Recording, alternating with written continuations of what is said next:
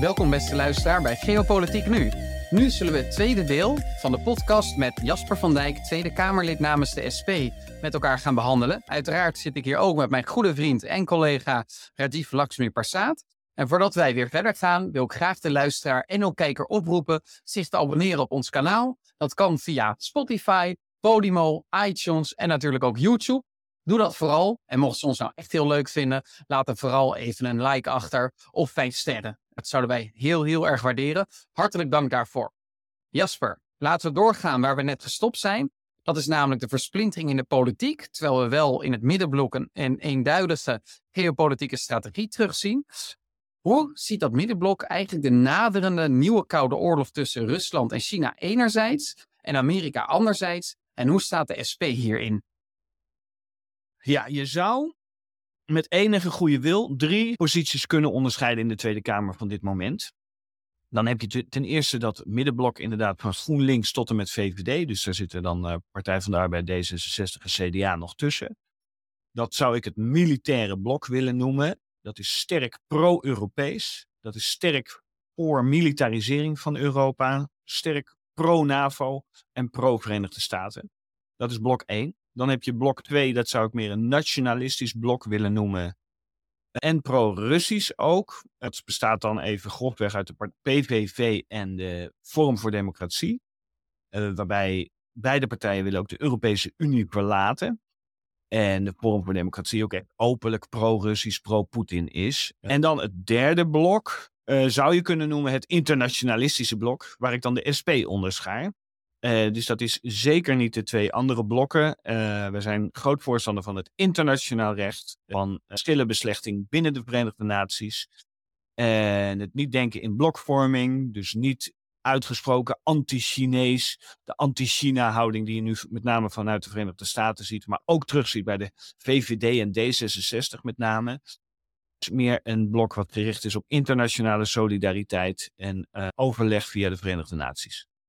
Oké, okay, helder. Dus er zijn drie blokken in die Tweede Kamer. Uh, het internationale blok, waar de SP voorstander van is, mogen we daar ook de Partij voor de Dieren onder scharen? Want ja. jullie trekken wel samen op hierin. Zeker, dat mag. Ja, okay, klopt dan... hoor. Het is een grove potloodschets van de Tweede Kamer. Je hebt 20 partijen. Ook ja 21, moet ik eerlijk zeggen. En kunnen we het op dit punt vaak vinden als het gaat om de oorlog we steunen Oekraïne, we veroordelen de aanval van Rusland, maar we zijn niet zo ontzettend uh, warmongering, zoals dat dan in het Engels heet, hè, oorlogszuchtig, uh, met bewapening en alles doen om Poetin uh, te verslaan. Elke Rus moet verjaagd worden uit Oekraïne met alle mogelijke middelen.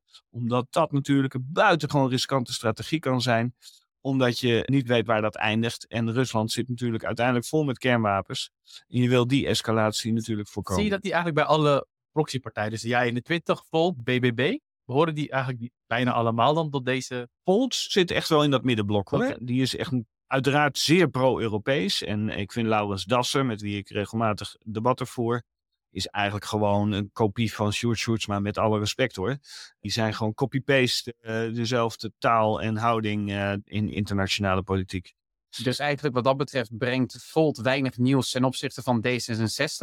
En dat geldt misschien ook voor de andere partijen binnen het middenblok. Dat doet het internationalistische blok van de SP, Partij voor de Dieren, eigenlijk wel. En dan ben ik wel benieuwd wat de visie is van het internationalistische blok op die nieuwe dreigende Koude Oorlog. Ja, daar zijn we natuurlijk buitengewoon kritisch over. En, en, en um, uh, dat is de, dreiging dat je dus inderdaad ziet dat de Verenigde Staten zou het liefst de hele wereld willen uh, verenigen tegen China. In een soort nieuwe koude oorlog, die wellicht eigenlijk al volop bezig is. Uh, zeker door de oorlog in Oekraïne is natuurlijk de NAVO weer springlevend. En je ziet inderdaad weer een terugkeer van kampen van Verenigde Staten, Europa versus Rusland en China. En uh, met de bijbehorende wapenwetloop, die weer helemaal terugkeert. Enorme investeringen in defensie vanuit Europa. Duitsland dat in één klap 100 miljard euro wil investeren in wapens. Nederland die zijn budget met 40% wil verhogen. Van 11 à 12 naar 18 à 19 gaf je aan miljard. voor de eerste podcast. Ja. Precies, dat is gigantisch die verhoging de NAVO heeft natuurlijk de afspraak 2% van het binnen, bruto binnenlands product moet naar defensie gaan. Nou, die, die afspraak, daar wordt nu over gediscussieerd dat dat een minimumbodem moet zijn, 2%. Dus liefst 3, 4, 5%. Ja, het zijn zware tijden voor uh, de vredesbeweging. Maar wij als SP verzetten ons tegen een nieuwe Koude Oorlog, tegen een nieuwe wapenwetloop, tegen polarisatie uh, op mondiaal niveau. Uh, ik ben veel meer voorstander van het internationaal recht en het zogeheten multilateralisme, waarbij landen in, in overleg tot, tot regelingen komen. En denk je ook dat die bereidwilligheid er is bij een Rusland en China? Of denk je dat zij eigenlijk gewoon wel eens multilarisme gebruiken als publieke rechtvaardiging voor keiharde machtspolitiek? Ja, ik denk dat dat zeker tot grote hoogte waar is. Uh, China en Rusland zijn uh, in feite autocratieën, hè, dus met, met weinig democratie. De leiders hebben grote macht naar zich toegetrokken, zowel Xi Jinping als Poetin. En daarvoor wil ik zeker waarschuwen. Tegelijkertijd moet je je bewust zijn dat we zijn niet allemaal West-Europa. West-Europa is in feite maar een klein deel van de hele wereld. En alle landen op de wereld tezamen vormen een heel divers geheel. En je kunt niet afdwingen als land of als blok dat alle andere landen zich aan jouw normen en waarden onderwerpen. En dat is natuurlijk wat je in de Verenigde Staten wel degelijk ziet. Die neiging en die houding. Er is een soort anti-China-hysterie daar. Uh, vergelijkbaar met het McCarthyisme in de jaren 50 tegen het communisme. Het is echt uh, niet gezond. Ik heb een, een, citaat van Henry Kissinger, uh, wat ik onderweg hierheen las. Misschien mag ik het voorlezen. Zeker, natuurlijk. voor een SP'er misschien. Hij is voor afgelopen week 100 jaar geworden. Precies. Las ik. Ja, Henry Kissinger, even voor de luisteraar ja. en de kijker. Dat is een van de grote uh, geostrategische denkers vanuit de Verenigde Staten. Is ook minister geweest van Buitenlandse Zaken, decennia lang uh, diplomaat geweest. En die ook heeft gezorgd voor de verzoening tussen China en Amerika. Op het moment dat China en de Sovjet-Unie gebrouilleerd met elkaar geraakten. En eigenlijk Amerika heel erg doelbewust die twee landen uit elkaar heeft willen trekken. Rajiv en ik zelf ook wel een beetje hebben, zijn er uitgebreid op ingegaan in de podcast van India en China. Als de vierde podcast is van een tijdje terug, maar absoluut het beluisteren waard. En ze zeggen ook dat hij echt buitenlands beleid heeft bepaald, omdat hij voor Republikeinen en Democraten werkte. Ja, en, uh, advies. en, en ten overvloede, het was ook geen lievertje. Hij heeft een buitengewoon omstreden rol in de Vietnamoorlog gespeeld en Cambodja niet te vergeten. Tegelijkertijd heeft hij ook hele nou ja, uh, grote prestaties gedaan, inderdaad, in wat jij net zegt, de rol van uh, Amerika versus China, et cetera. En nu, op dit moment, hij is dus 100 geworden, inderdaad. Diplomaat met de meeste ervaring ter wereld, noemde uh, die Economist het, geloof ik. En hij is nog steeds heel actief, ook in de oorlog rond Oekraïne en wat daar moet gebeuren. En over het punt waar we het net over hadden, vandaar deze quote. We zijn op weg naar een confrontatie tussen de grootmachten. Beide kanten zijn ervan overtuigd dat de ander een strategisch gevaar vormt. Dus hij heeft dus over China en de Verenigde Staten. In zo'n situatie is het logisch om te proberen voorop te lopen, technologisch en materieel. Zo kan een situatie ontstaan waarin een kwestie uitgroeit tot een confrontatie over de relatie in zijn geheel. Dat is het grootste probleem op dit moment. En met een kwestie als Taiwan, waar concessies erg moeilijk zijn omdat het gaat om fundamentele principes, wordt de situatie nog gevaarlijker. Vraag is natuurlijk hoe onheil afgewend kan worden. Verdiep je in China, zegt hij. Het land is niet uit op Hitleriaanse verovering van de wereld. Wel kan het snel sterker worden dan de VS en daar moeten de VS zich op voorbereiden. Om evenwicht tussen de twee grootmachten te handhaven, moeten de VS steeds weer testen hoe ver de Chinese ambitie gaat. De supermachten kunnen vreedzaam naast elkaar bestaan, denkt hij, maar succes is niet gegarandeerd. Aldus Henry Kissinger. Nou, hier kan je van alles over zeggen, maar eh, ik lees hierin ook een pleidooi tot een vreedzame coexistentie, om ook maar eens een Koude Oorlogsterm volgens mij vanuit zijn, uh, uh, van zijn hand uh, er, erbij te halen. Volgens mij is zijn intentie om te kijken. Je ziet een enorme dreiging naar een nieuwe Koude Oorlog, een nieuwe wapenwetloop en een nieuwe dreiging naar een wereldoorlog. Maar we moeten natuurlijk alles doen om daaraan te ontkomen. Daarvan ben ik als SP'er overtuigd. Helder, dus de SP die bepleit eigenlijk heel sterk voor bepleit heel sterk een multipolaire wereldorde. Dat betekent dat verschillende landen in eigen regio een invloedrijke rol kunnen vervullen. En dat je dan een machtsbalans uh, kunt handhaven wereldwijd, die ook meer recht doet aan het internationaal recht. Dan is mijn vraag wel, wat zou voor het Westen en Amerika acceptabel zijn en wat zou niet acceptabel zijn? Dus wat zijn de rode lijnen van het Westen? Is dat bijvoorbeeld een invasie op Taiwan? Moeten wij dan en masse Taiwan steunen? Of zeg jij, nou, als je verdiept in de Chinese cultuur, dan moeten wij dat wel accepteren? Hoe sta je daar tegenover? Nou, ik, ik, ik zou hier niet heel erg zwart-wit een uh, oordeel over willen of kunnen geven. Simpelweg omdat die oorlog nog niet is uitgebroken en we dus niet weten op welke manier die plaatsvindt. Maar je vraag is zeer terecht natuurlijk, want we weten allemaal, we zien allemaal dat China op Taiwan aast. En daar ook regelmatig uh, verwijzingen naar maakt. En we kunnen natuurlijk ook gewoon kijken naar wat Poetin nu in Oekraïne doet. Sterker nog, China volgt dat op de voet. Juist vanwege Taiwan, om te zien hoe dat precies gaat. En als we daarnaar kijken, dan zie ik dat Oekraïne zich terecht beroept op het VN-handvest en zegt: dit is een schending van het internationaal recht. En wij worden aangevallen door Rusland, dus wij vragen nu om militaire steun om ons te verdedigen. Oekraïne wordt aangevallen en heeft om die reden het recht om zich te verdedigen. Dat, dat uh, erken ik direct.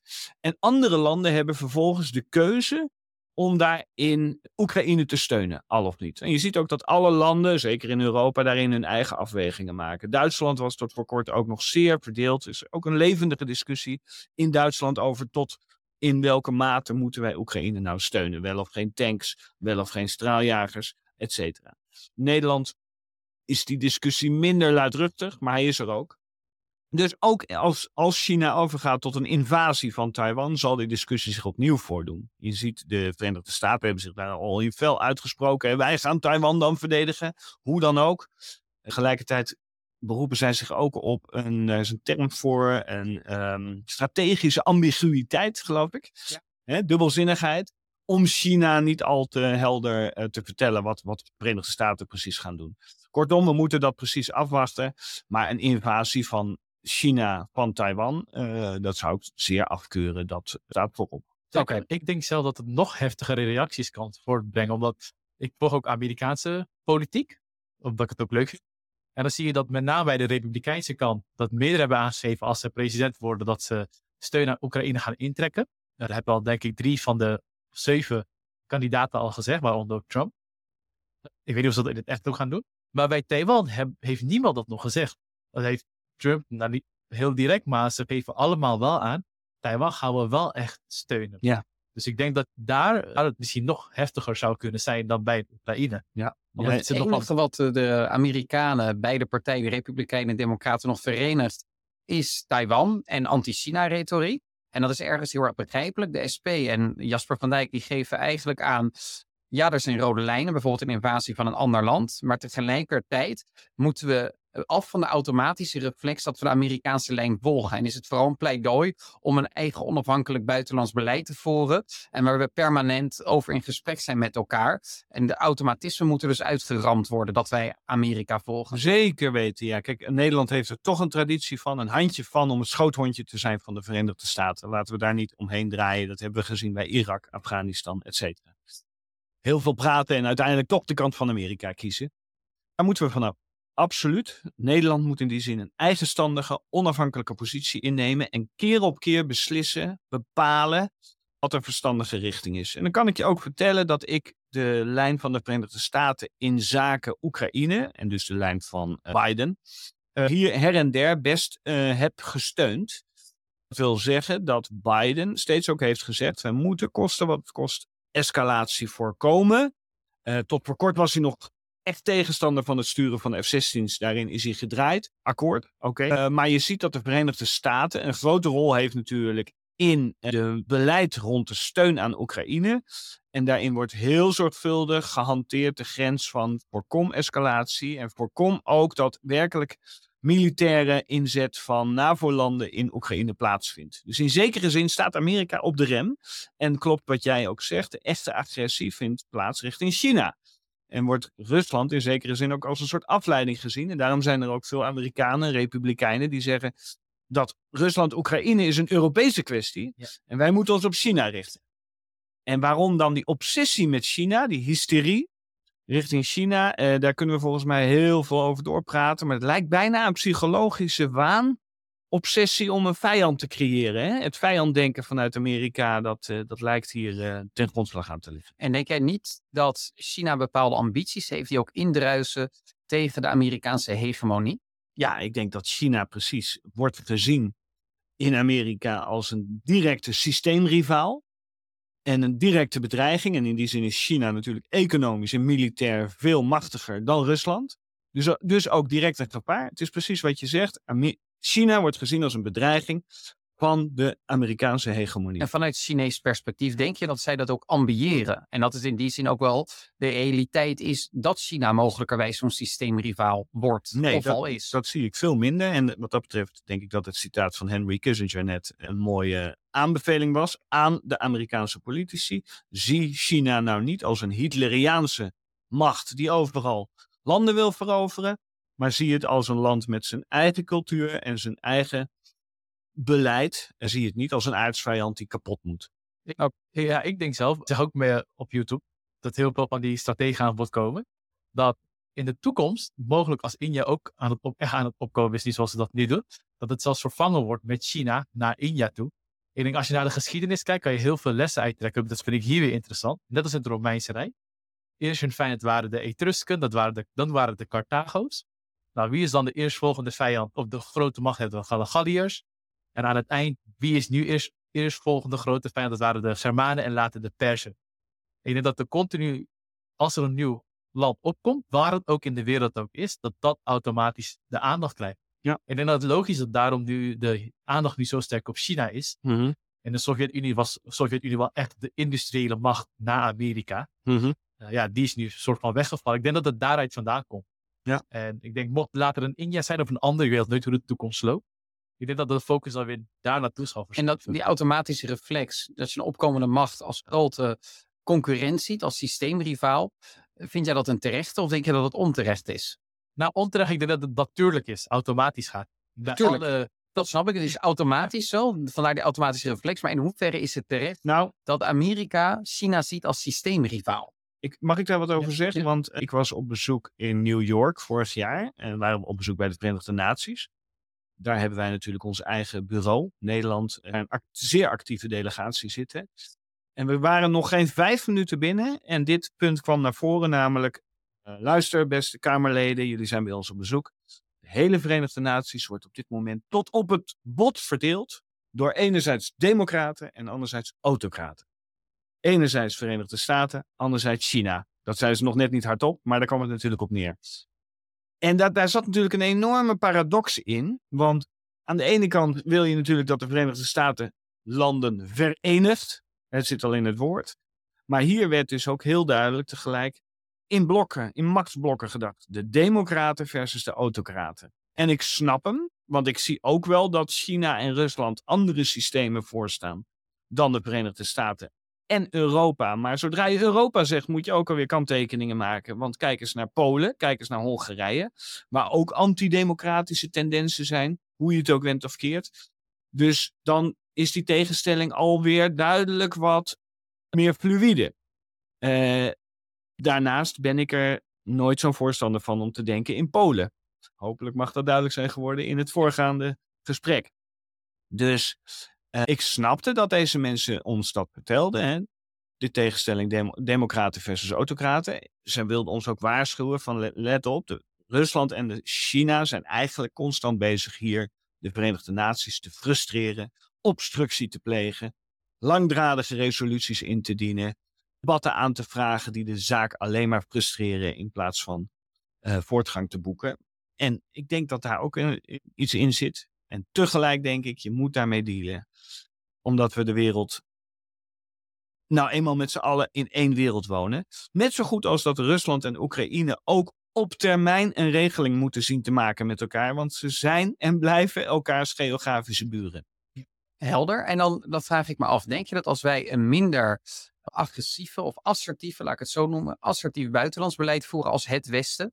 Denk je dan ook dat China en Rusland zelf minder assertief zullen zijn en zich meer zullen neerleggen bij het internationaal recht? En onze rode lijnen niet zullen passeren? Nou, dit is denk ik, de, deze, in deze vraag zit de uitdaging van deze tijd. Want ik denk dat het antwoord ja en nee is. Aan de ene kant denk ik dat er agressieve krachten zijn vanuit China en Rusland. Poetin is natuurlijk meedogenloos in zijn politiek. Kijk nu ook weer wat hij heeft gedaan met die stuwdam. Overigens, dat wordt onderzocht allemaal. Maar ik ben van mening dat dat vanuit het Kremlin komt eerder dan vanuit Oekraïne. Maar goed, even los daarvan. Dus er zijn agressieve krachten vanuit Rusland en China bezig om de zaak inderdaad te saboteren op alle mogelijke manieren. Antidemocratische krachten. En aan de andere kant denk ik toch ook dat uh, het Westen, Amerika en Europa in hun houding, in hun gedrag jegens die landen de zaak de verkeerde kant op kunnen duwen. Kun je wat met dit antwoord? Ja, dus er zijn escalerende krachten vanuit beide machtsblokken. Maar omdat wij als Nederland nu eenmaal meer in het westerse blok zitten, denk ik ook dat het kritische oog van de SP valt meer op Nederland dan op China. Simpelweg omdat wij daar invloed uitoefenen hebben en niet in de Chinese politiek. En dan zeg je eigenlijk, die escalerende krachten, die moeten in toom gebracht worden. Dan kun je nog steeds assertief zijn. Maar dat betekent ook dat je de deescalerende krachten in Rusland en in China meer vrij baan geeft. En dat je niet de escalerende kracht in die landen zelf versterkt. Interpreteer ik het zo goed? Ja, ik vind dat je het fantastisch verwoordt. Je moet zoeken naar de krachten die uh, het multilateralisme versterken, die het internationaal recht versterken. Moet niet blind zijn voor de risico's en de onderdrukking die plaatsvindt in China. Laten we daar niet omheen draaien. Het is verschrikkelijk wat er in Xinjiang gebeurt. Xinjiang voor de, voor de luisteraar, dat betekent eigenlijk, zeg je mijn hoofd, grensstaat. Dat is in het oosten, uh, sorry, in het westen van China. Dat is Oeigoors gebied. Dat is een moslimminderheid in China, op wie in mijn optiek, en ik denk ons aller optiek hier, een genocide gepleegd wordt. Ook een culturele genocide. Heel veel dwangarbeid opgelegd. Dus er worden heel veel producten gemaakt die wij ook zelf dragen. En die worden eigenlijk door Oeigoorse uh, mensen gemaakt. En dat, ja, dat, dat stelt ons wel voor bepaalde morele vragen. Exact. Daar zijn concentratiekampen. Het is onvoorstelbaar die onderdrukking die daar plaatsvindt. Dus geen enkele discussie, dat moet verworpen worden. De volgende vraag is inderdaad, wat, wat voor gevolgen moet dat hebben voor jouw verhouding tot dat land? En dat is natuurlijk de discussie die nu volop gaande is. Je ziet vanuit de Verenigde Staten een drang om China volledig te isoleren. Dat heeft niet eens zozeer te maken met dit punt, denk ik, met mensenrechten dus. Maar eerder met de, inderdaad de rivaliteit. Hè, China moet eronder, want de Verenigde Staten moet boven blijven. Uh, maar ik ben zelf wel groot voorstander van mensenrechten. Van internationaal verantwoord ondernemen. Ook buitengewoon actuele discussie natuurlijk. Dus moet Nederland zaken doen met bedrijven die in China actief zijn in dat gebied. En dus ook gebruik maken van die uh, arbeid waarbij mensenrechten uh, hardgrondig worden geschonden, dan zeg ik nee. Daar mag je een grens trekken. En zo moet je elke keer weer kijken uh, waar je uh, de zaken ten positief kan, kan sturen. Ja, dat vind ik wel een interessant moment om even stil te staan ja. bij ook de studie bestuurskunde. De luisteraar weet natuurlijk dat Rajiv en ik een bestuurskundige achtergrond hebben. En het fijne van bestuurskunde is dat je bij deze studie heel duidelijk terugziet uit wat voor soort onderdelen een land bestaat. Economisch gezien, ook wel cultureel gezien, sociologisch gezien. En wat er wel eens fout wordt gedaan in, denk ik, in onze optiek, ik weet ook van Rajiv dat het zo is, in de geopolitieke scholen of politicologische scholen, is dat zij landen beschouwen als een unitaire actor. En dat je dus altijd te maken hebt met een eenheid die altijd hetzelfde denkt en hetzelfde handelt. En als jij landen nou ziet als een opeenstapeling van verschillende segmenten, van verschillende onderdelen, kun je misschien ook die verschillende onderdelen op een andere manier bejegenen en bespelen. En daarmee escalerende of deescalerende of democratische krachten misschien wel versterken of juist verzwakken. En eigenlijk als ik het zo beluister, dan denk ik dat de SP hier heel erg van uitgaat. Het is niet een unitaire actor, China niet en ook Rusland niet. En als je daar in de geopolitieke verhoudingen, rondom handel, rondom defensie rekening mee houdt, dan kom je uiteindelijk verder. En ik denk dat dat wel iets is waar de realisten, de realistische school, in het geopolitiek rekening mee zou kunnen houden. Dus, en op daarmee ook tot betere voorspellingen zou kunnen komen. Doen. Dus regimebelang versus landsbelangen. Ja. En tweede is de onderstromen versus de bovenstromen. Ja. En vaak denken mensen, kijken ze naar de bovenstroom, ja, die komen in het nieuws. En dat, dat alsof het land zo denkt, maar je hebt heel veel onderstromen uh, die je ook kan steunen. Nou ja, een heel, heel goed voorbeeld is denk ik Rusland op dit moment. Het is, deze oorlog is gestart door Poetin en niet door Rusland. Uh, en zeker niet door de Russische bevolking. Het is ongelooflijk moeilijk om daar precies een beeld van te krijgen van hoe, hoe staat de Russische bevolking nou precies tegenover de oorlog. Er zijn wel peilingen, maar hoe betrouwbaar zijn die peilingen dan weer? Ik denk ook dat hier die oproep van Kissinger terugkomt, verdiep je in China.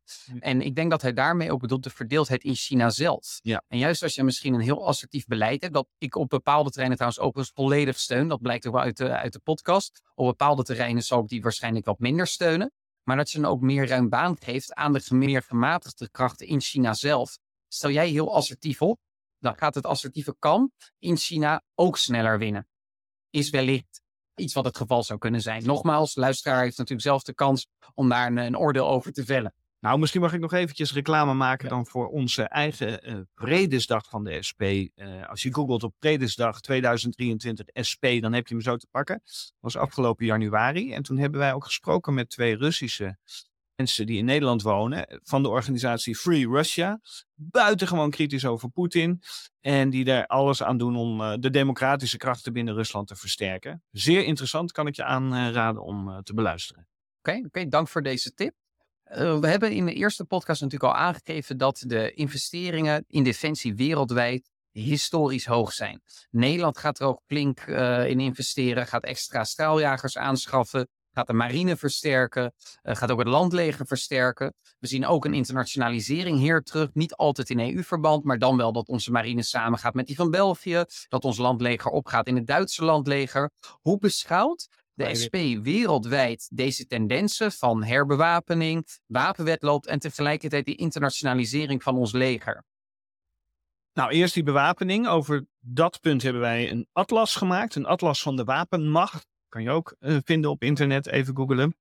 En daarin staat al op de eerste pagina een statistiekje van de wereldwijde uitgaven aan defensie, aan wapens.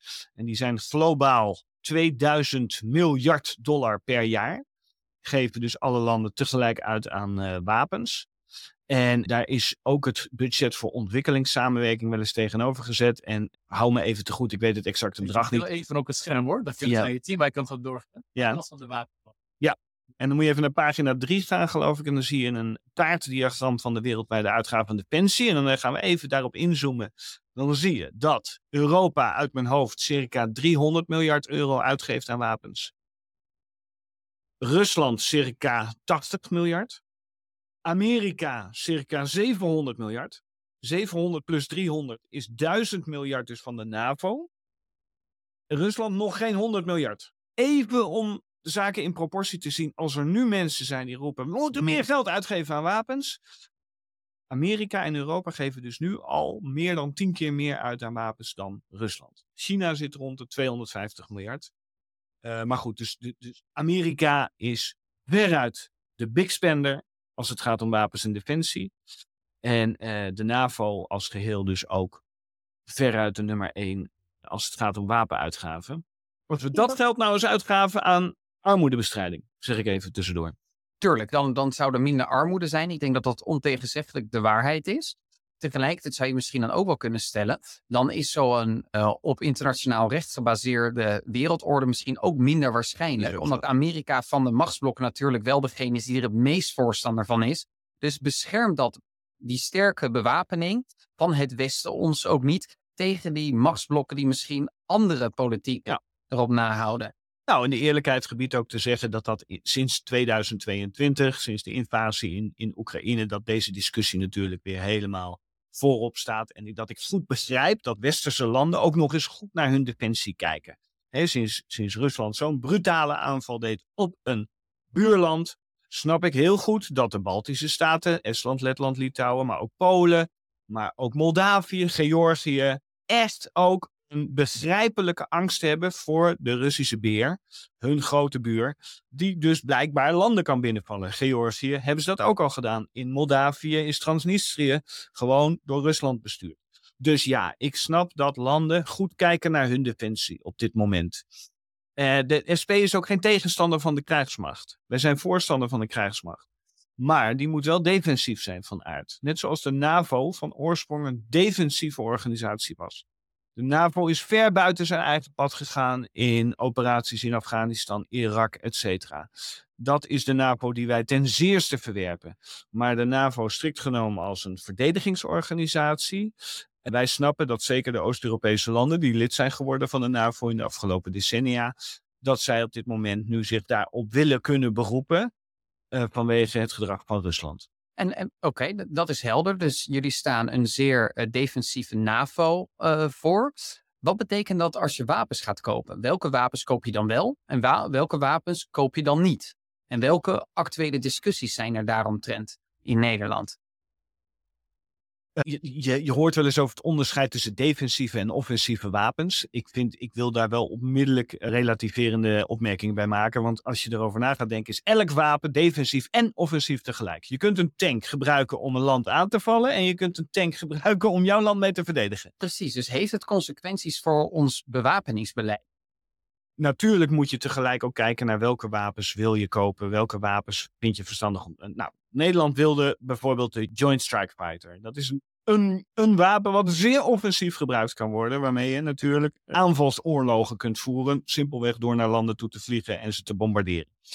De SP is daar altijd sterk tegenstander van geweest. Zelfde discussie vindt nu plaats over nieuwe onderzeeboten.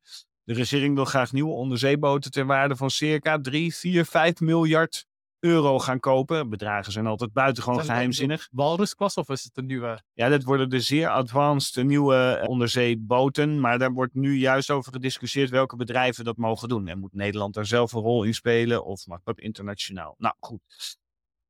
SP is ook daar zeer kritisch over. Wij zijn dus wel voor het hebben van een krijgsmacht, maar klingen Ook voor extra investeringen? Nee, niet per se. Maar wij, wij zijn er wel voor dat het personeel goed behandeld wordt. Het is altijd de sluitpost binnen de krijgsmacht. Hè? Militairen die op verouderde, met verouderd materieel moeten rondlopen. Die zelfs pang-pang moesten roepen bij trainingen. Geen grap. Uh, die geen goede uh, uitrusting kregen. En, en die dus de sigaar zijn bij missies, et cetera. Ik heb in Mali ben ik op bezoek geweest. Waar Nederland een uh, missie had. En, en dat die jongens na de PowerPoint-presentatie om de hoek even een sigaretje kwamen roken en zeiden: Jasper, vergeet die PowerPoint-presentatie, wij worden hier gewoon ruk behandeld. En dat kon ik zeer goed gebruiken in de defensiedebatten die daarop volgden. Dus ja, we moeten een krijgsmacht hebben. We moeten ons grondgebied kunnen verdedigen. Dat staat ook in de grondwet. Hè? Krijgsmacht moet ons Nederlandse grondgebied kunnen verdedigen. Nou, tweede deel van jouw vraag. Wat vind ik van al die internationale samenwerking? Ik vind tot op grote hoogte begrijpelijk dat Nederland, Duitsland, België, Noorwegen met elkaar kijken hoe ze kunnen samenwerken. Dat doen we ook. Dat vind ik wat anders dan een Europees leger. Hè, wat meer D66 volt verhaal is, van schaf nou maar gewoon de landen af en vorm gewoon één groot Europees leger met een commandocentrum in Brussel. Dat eh, verwerp ik ten zeerste, want dan heb je onmiddellijk het risico dat dat commandocentrum in Brussel allerlei omstreden missies gaat voeren tegen landen waar we later veel spijt van krijgen. En ik denk zelf ook, we zeggen Brussel, maar vaak is het Frankrijk en Duitsland die ja. de dienst uitmaken. En Michel, ik erger ons vaak ook aan het Duitse buitenlands beleid. Ja. En dat wij dan onze jongens daarvoor zouden moeten inzetten. Ja. Uh, dus dat kan ik me heel... Maar als we dan naar het Nederlands defensie kijken, in het algemeen, is natuurlijk een relatief klein land. Economisch wel groot, maar alsnog klein. Uh, ben je dan ook een voorstander van, want dat wordt ook geopperd, dat Nederland bepaalde kernonderdelen afschaft, bijvoorbeeld een landmacht. En dat we meer naartoe gaan naar even een soort lean defensie. Die zit heel sterk focus op intelligence, op uh, commando, op onderzeeër en uh, straaljagers. En mhm. dat ze dat de rest bijvoorbeeld aan andere landen overlaten. Wat specialiseren per land, als ja. het ware. Ja, nou, ik kan me wel voorstellen dat wij samenwerking uh, intensief maken. Dus we doen bijvoorbeeld nu al de luchtbewaking met België. Wij doen de landmacht, hebben wij vergaand geïntegreerd met Duitsland. Ik stel daar wel steeds één voorwaarde bij inzet van Nederlandse militairen moet een zaak zijn van de Nederlandse volksvertegenwoordiging. Want op het moment dat je dat afgeeft, dat is wederom die D66-gedachte van stuur het maar naar Brussel, dan ben je een essentiële bevoegdheid kwijt als land, denk ik. En je beslist wel over dood en leven. Dus ik vind dat Nederland altijd het laatste woord moet hebben over de inzet van onze jongens en meiden. Maar daarbovenop zou je samenwerking met landen zou je heel goed kunnen doen. En dus ook het specialiseren. Dus dat we als ja. Nederland kunnen zeggen, deze delen laten dat aan andere landen overlaten. En wij houden ons meer bezig met lucht, Ja, Ik kan me voorstellen dat we dat uitwerken. Ik moet je eerlijk zeggen, ik heb dit laatst binnen mijn eigen team aan de orde gesteld van, hè, moet Nederland nou ten alle tijde een marine, een landmacht, een luchtmacht, een marechaussee hebben? Of moeten wij, kunnen wij niet met onze buurlanden meer afspraken daarover maken? Maar ik zeg je eerlijk, dat hebben we nog niet aan detail uitgewerkt. Dus hier ga ik misschien wel buiten mijn boekje. Ik moet dit netjes met de fractie gaan afstemmen. Oké, duidelijk. Ja, ja, helder verhaal. En ik denk ook een helder antwoord. Namelijk, inderdaad, je kunt in een internationale context samenwerken met bijvoorbeeld Noorwegen, Duitsland, België. Maar het laatste woord moet echt door Nederland zelf uitgesproken worden. En dat moet niet belegd worden in bijvoorbeeld Brussel, Oslo of Berlijn. Brengt ons toch wel bij het einde van het tweede deel van de podcast. En dan willen we eigenlijk een leuk nieuw element toevoegen. Wij krijgen weer een gastspreker op bezoek. Ja. Hoogleraar AI uh, Feline Heijmans. En zij weet dus ongelooflijk veel over AI, ook over de ethiek daarachter. En is er een bepaalde vraag die wij wat jou betreft aan haar zouden moeten voorleggen? En zo ja, hoe zou die vraag luiden? Want dan gaan wij haar die vraag natuurlijk morgen stellen. Ja, ik heb zeker een vraag, want dit is natuurlijk buitengewoon eh, actueel. Dus complimenten voor de keuze, ook voor jullie, om het over kunstmatige intelligentie te hebben, eh, wat nu eh, zo ontzettend speelt. Mijn vraag zou zijn, eh, hoe stel je paal en perk aan de risico's van kunstmatige intelligentie en hoe zorg je dat de mensheid niet in gevaar komt door kunstmatige intelligentie? Welke regels zou je dan moeten opstellen? En dan mag ik misschien als defensiewoordvoerder ook een verwijzing maken naar autonome wapens. Ik denk dat dat zeer verwant is aan kunstmatige intelligentie. Uh, die discussie speelt ook binnen onze commissie. Uh, autonome wapens zijn wapens die zonder menselijk ingrijpen kunnen opereren. Nou, je kent het al van de Terminator, je ziet het al voor je. Hè? Dus zelfdenkende wapens. Lijkt mij buitengewoon riskant. Er moeten strenge regels voorkomen als het aan mij ligt is jullie volgende gast uh, diezelfde mening toegedaan. Oké, okay, ik zal die vraag gaan voorleggen. Dus op welke wijze kunnen wij paal en perk stellen aan de gevaren eigenlijk van AI? En hoe moet die regulering er dan uitzien? Ook gerelateerd vanzelfsprekend aan autonome wapens. Dan ga ik nog even kort voor de luisteraar en de kijker samenvatten wat we met elkaar besproken hebben. Namelijk de nieuwe dreigende koude oorlog tussen de Verenigde Staten enerzijds en Rusland en China anderzijds. En er is eigenlijk het pleidooi, het genuanceerde pleidooi van de SP. Ja, je hebt rode lijnen, onder meer als het gaat om invasies. Maar tegelijkertijd, als je een heel assertief beleid voert, dan versterk je misschien wel escalerende krachten in andere machtsblokken. Dat moet je zien te voorkomen. Dus doe daarom afstand van het beeld dat landen eenheden zijn en unitaire actoren, maar ook bestaan uit verschillende segmenten intern. En dat je juist ook daar misschien democratische of gematigde krachten zou kunnen ondersteunen. Verder hebben we stilgestaan bij hoe het Nederlandse politieke beleid, geopolitieke beleid gevormd wordt. Welke blokken er zijn in de Tweede Kamer. We hebben een internationalistisch blok. Hebben we eigenlijk een meer nationalistisch blok dat bestaat uit de FVD en, uh, en de BVV. En zij staan een meer Poetin-vriendelijke uh, koers voor. Uh, en tegelijkertijd hebben we een middenblok die wat meer militaristisch is. En nu ook sterk inzet op verdere herbewapening. Daar waar de SP eigenlijk zegt, die moet vooral gericht zijn op het beschermen van het eigen grondgebied. En verder niet te veel buitenlandse missies ingesteld moet zijn. En vooral niet wanneer die sterk bepleit worden door de Verenigde Staten. Moeten wij dan steeds wel kritische vraagtekens bij stellen. Heb ik het op deze manier goed samengevat? Je hebt het fantastisch samengevat. Ik vond het een grote eer om hier als gast te mogen zijn. Uh, ik ga het ook zeker aan al mijn vrienden en kennissen laten weten dat deze podcast er is. En ik kom graag nog een keer om over allerlei andere dingen te spreken. Oh, lijkt me heel erg ja, leuk. Heel van deze alvast ja. uh, van harte uitgenodigd. Rajiv, dus heel erg veel dank ook dat je het wil doorgeven aan, aan vrienden in je omgeving. Daar zijn wij zeer dankbaar voor. Uh, Rajiv, jij nog afsluitende woorden. Welke les neem jij mee? Nou, welke les ik meeneem, of wat ik, in, dat heb ik al vaker al gezegd, is dat je ook in dit hele geopolitieke spel, daarvoor zijn we denk ik ook ontstaan, uh, dezelfde patronen terugziet uit de geschiedenis. Vooral, ik ben een beetje geschiedenisgek. Mm -hmm. Hij ziet steeds, het zijn andere spelers, misschien het bordspel is anders, maar de spelregels blijven hetzelfde. Dat vind ik heel ja, leuk om te zien. En ook vooral voor de luisteraars en de kijker. Gebruik het ook vooral voor je eigen ontwikkeling. Dat je zelf niet alleen laat bepalen door anderen wat er gaat gebeuren, maar denk zelf ook mee, logisch na. Van lossen wat anderen zeggen, wat denk jij zelf wat ja, beter is voor Nederland en, en ook voor jezelf. Vind ik een mooie oproep inderdaad. En we zijn vaak gewend naar, als wij de toekomst moeten voorspellen, kijken we altijd naar het meest recente verleden om een toekomstvoorspelling te doen. En als je de geschiedenis op naslaat, dan zou je eigenlijk naar iets ver, verder weg in verleden moeten kijken om tot Ja. voorspellingen te komen. Omdat de geschiedenis zich toch wel een bepaalde cycli En eh, als je niet zo van geschiedenis houdt, zou ik aanraden, pak een periode dat je het leukst vindt. Of je nou renaissance leuk vindt of Mhm. Romeinse tijd. Pak een periode wat jij het leukst vindt. En dezelfde lessen zie je grotendeels ook weer hier terug. En deze lessen laat hij natuurlijk afscheid nemen van je ongeïnformeerde zelf.